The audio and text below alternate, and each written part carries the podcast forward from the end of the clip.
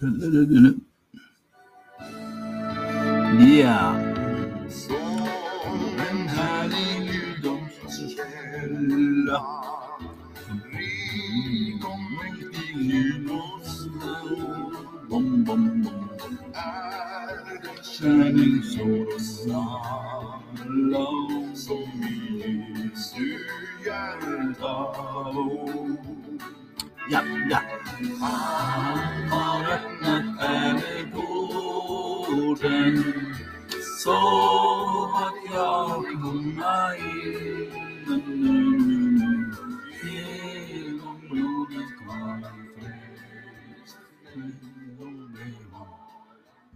som syn. Ja, Ja, det är en av, en av de låtar som vi alltid har. Istället för bensträckare så sjunger vi låtar som Ester, du var älskade. Och det här var en av dem. På Frälsningsarmén och smet dit och lyssnade på Ovan där och Pärleporten. Ja. Sanna ger det. Fort det var. Ja, det här med ordet. Ja, det är ju fritt. Men inte gratis. Som en del tycks tro. Ja, jag skrev en krönika på ämnet igår och för varje bok som kommer ut så, då får jag förfrågningar att komma utanför den turnéplan jag har redan bokat. Och det kan ju röra till det, men jag brukar, brukar alltid besöka, ha något, något som har med ungdomar och psykisk ohälsa att prata om. Eller gamla som bor på ja, institutioner och sånt där. Eh, inte mer än rätt. Men alltså då alla de andra som har en liten snorkig eller okunnig attityd gentemot kulturen. Ja, det går ju rätt bra för mig just nu. Jag har ju lyckats skriva en roman där både Ester och jag själv som författare har fått någon slags upprättelse. Ja. Nu idag på måndagen så gör ett uppehåll i min turné. Jag var på 15 ställen. Jag är ganska trött. Parkinson gör sig mer och mer påmind också. Jag har ju därför gjort en paus. Skjuter fram många av de här ställena jag skulle ha varit på. Det blir tre till i slutet på januari, början på februari nästa år. Och det har att göra med att jag i fredags fick en tid på neurorehab. Jag har varit där förr. Ovaligen så stark jag varit. Vattengympa är nog otroligt bra för en stel Parkinson-grupp. Kropp. Grupp, vad säger jag? För en stel Parkinson-kropp. Ska det vara korrekt. Ja, det där är också något som är med Parkinson. Sluddrandet och felsägningarna och ja, glömma bort att tänka på att man måste höja och prata med bukstödet och det har jag gott om.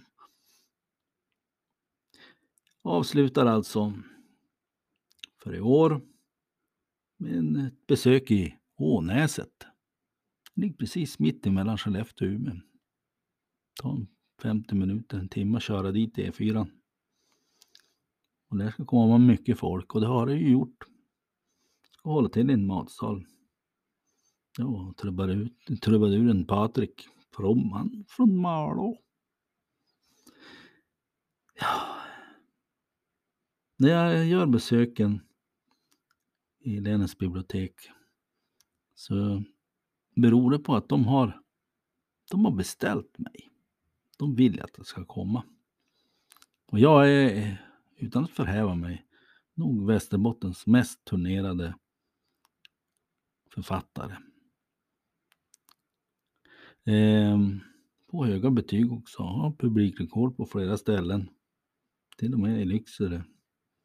Eh, ettan för, före Torgny Lindgren. Nu förhävde jag mig. Jag kunde inte låta bli att säga det. Och det är på den här turnén jag drar in mest pengar på mitt författarskap. Det är nu jag använder hela mitt kunnande. Eh, som sagt, men att, eh, ja. Den här succén alltså. Det är ju onekligen sanning att varken jag eller förlaget har aldrig, har aldrig sålt så mycket böcker någonsin. Det kom som liksom när allt är klart, när jag lärt mig stava och sagt att nu har jag skrivit färdigt på grund av min Parkinson. Jag hinner inte skriva några fler romaner. Så känns det ändå lite konstigt nu när jag vunnit även en viss respekt även hos kultureliten. Ja, jag har varit inbjuden till självaste Umeå litteraturfestival nästa år. Jag har ju bara kunnat drömma om tidigare. Ja. Men så skrev jag Älskade Ester på rekordtid. Min sjunde roman. Och nu tror folk att jag har blivit miljonär. Ja, miljonär på beröm. Och att bli bekräftad. Både som person och författare. Och det har skrivits mängder med reportage. Fina reportage.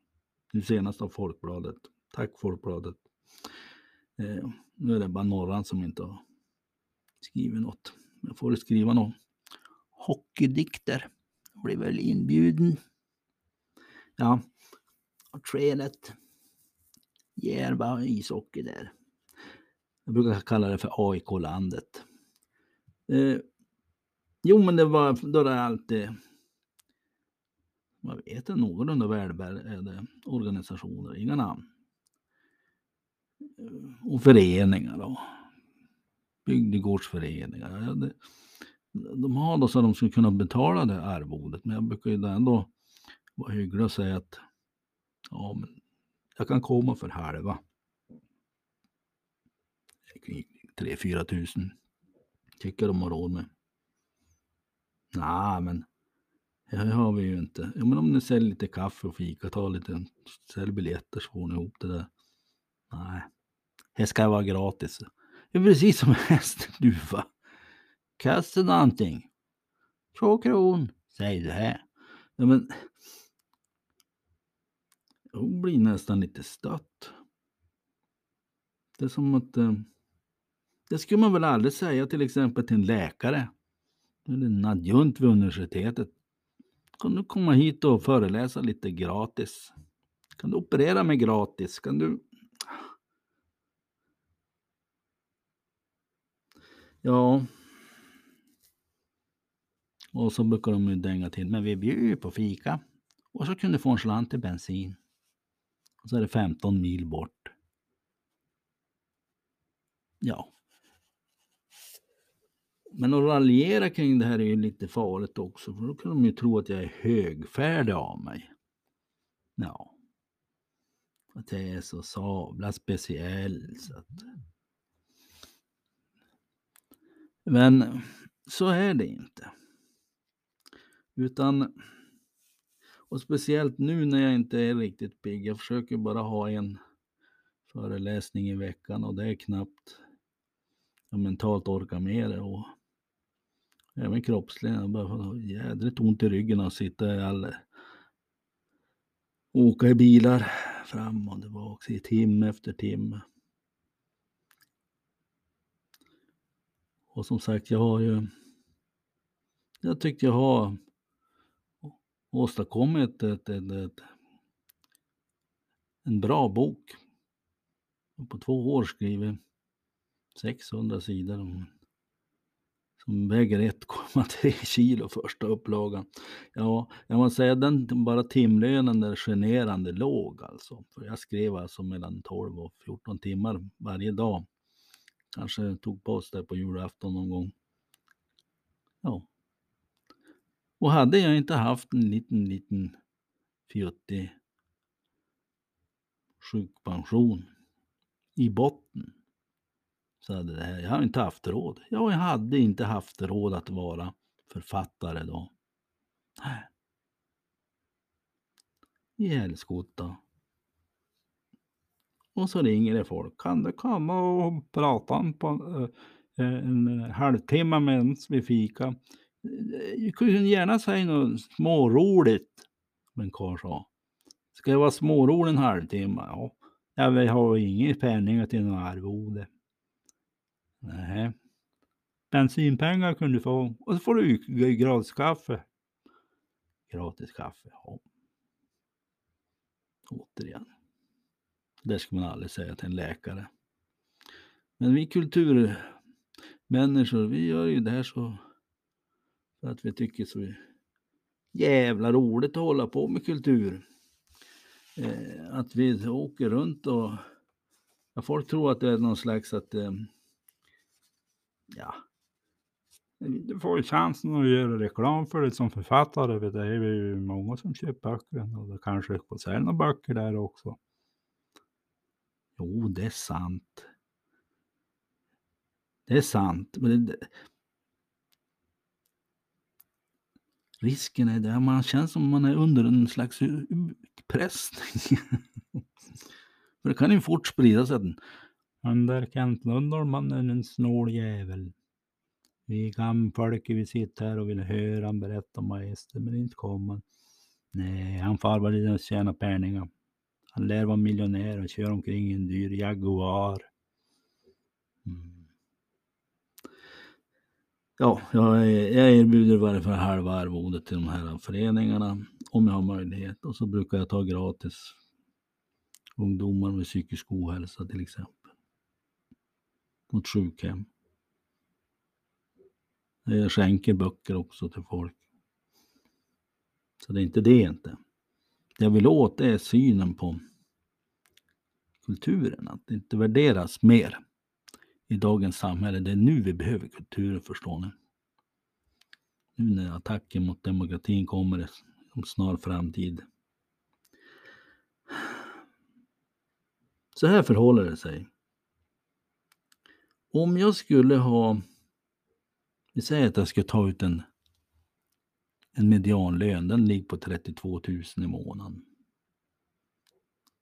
Under ett års tid, 32 000, ja, kring 300, 300 000 någonting. Då måste jag ha sålt mellan 50 000 och 100 000 böcker. Tror ni jag har gjort det? Tror jag har sålt 50 000 böcker.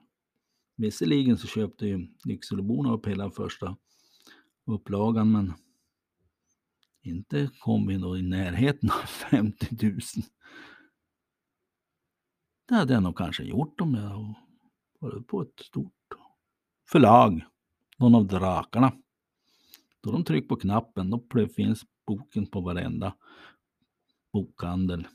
Fysisk eller på nätet. Turnéplanerna, det är inte några fjuttiga bibliotek. Det är sådana här tjusiga soffprogram. Ja, så marknadsförs det. Oftast är det ju en kriminalroman eller en thriller. Det är då man säljer 100 000 böcker.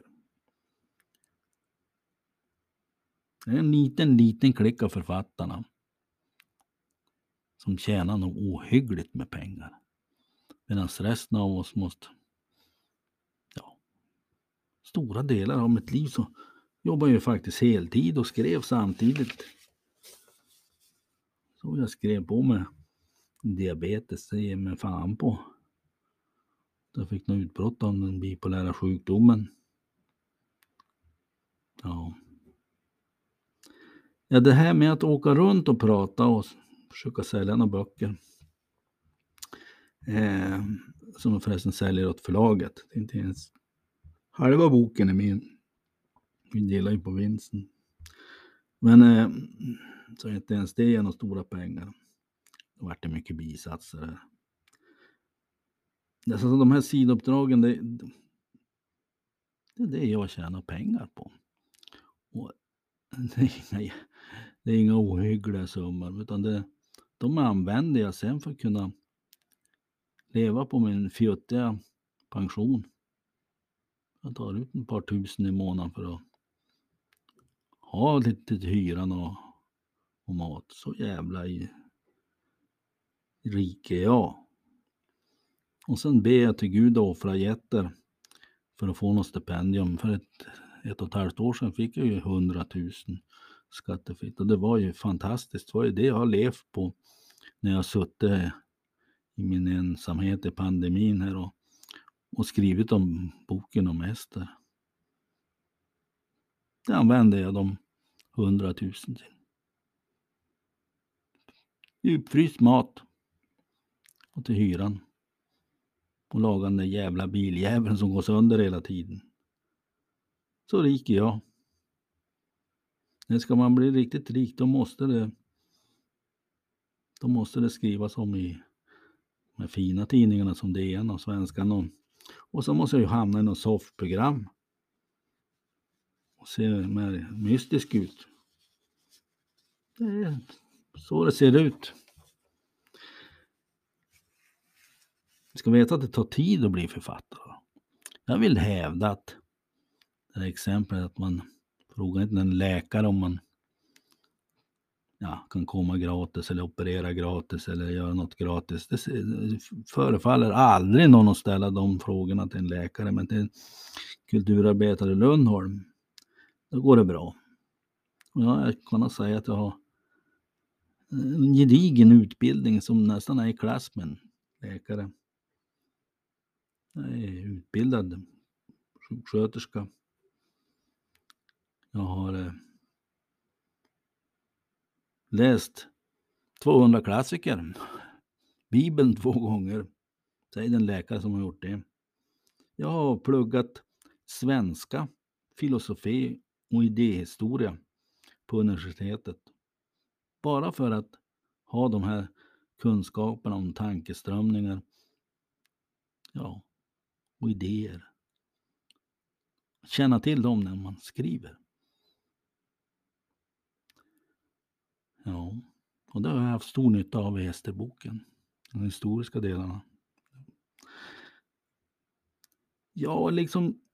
Jag har ju suttit och skrivit, det tog ju först 99 när jag debuterade. Och då hade jag tre, tre referenserade romaner.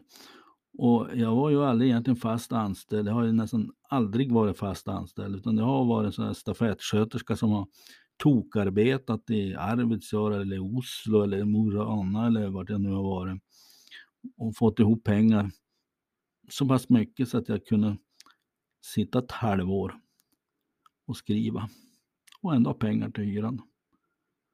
Och då vart det ju, ska ni tro att det vart några pengar över till några sociala avgifter som blev inbetalda. Därav min låga pension. Så när jag blir riktig folkpensionär då, då ska jag sätta mig utanför Coop och tigga.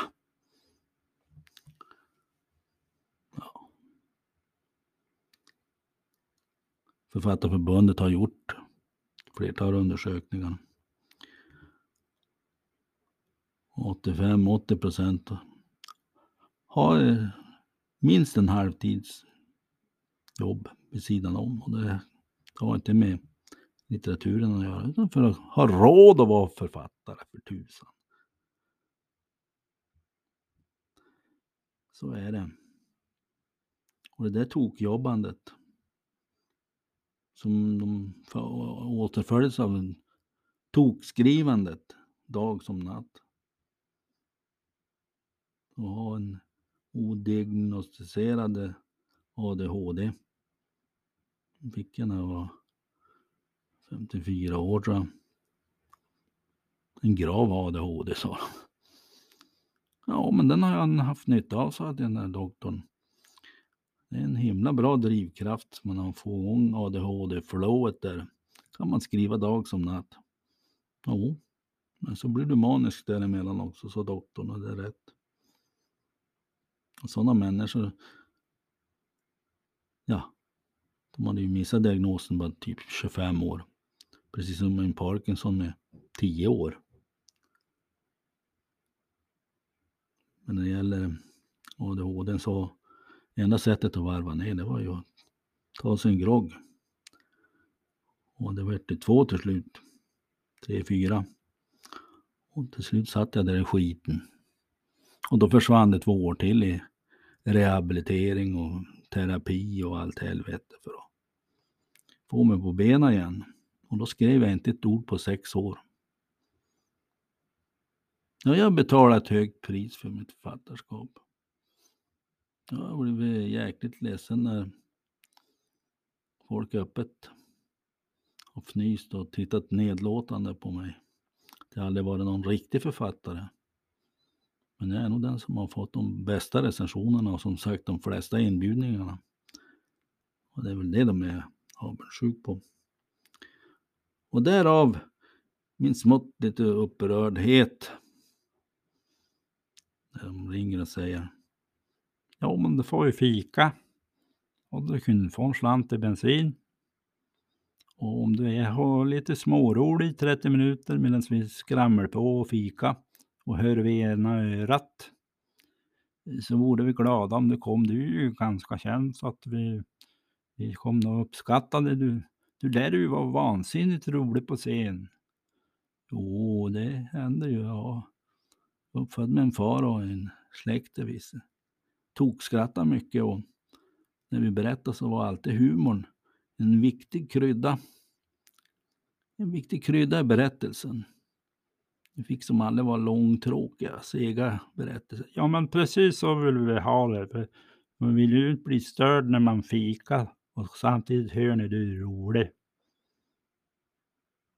Sitter jag och raljerar här också. Ja. Må så vara. Men detta. Ja. Och på ett litet förlag så måste ju, det finns ju det finns ju inga pengar till någon marknadsföring så jag måste ju försöka sälja mig själv och de böcker jag skriver. skrivit. Och det är väl det som har retat upp folk, att jag sprungit titt som tätt och tjatat om, ska ni inte skriva något eller skicka pressmeddelanden. Men det går bra om det kom 25 pressmeddelanden från Bonniers eller Norstedts eller vad fan det kommer från. Men Det från mig som måste marknadsföra sig själv så ja, då är jag ju liksom narcissist. Han är narcissist. Han är inte klok den där Lundholm. Vi får aldrig vara fri. Ja, det... ja, vi slutar väl med den här låten då. Som också Ester tyckte om. Nu blir det semester i två månader. Ja, först tre veckor på Neurorehabs gym. Jag har bokat resten till i slutet på januari. Nu måste jag träna upp mig och bli stark. Eller vad tror ni? Ska jag fortsätta att skriva eller? Ge fan i allt.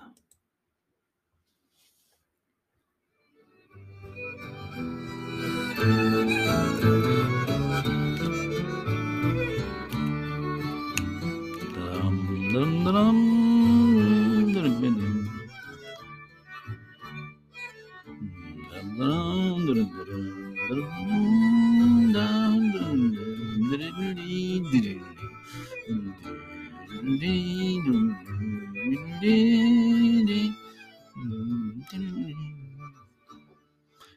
här var allt från Kent Lundholms podcast. Made in Umeå.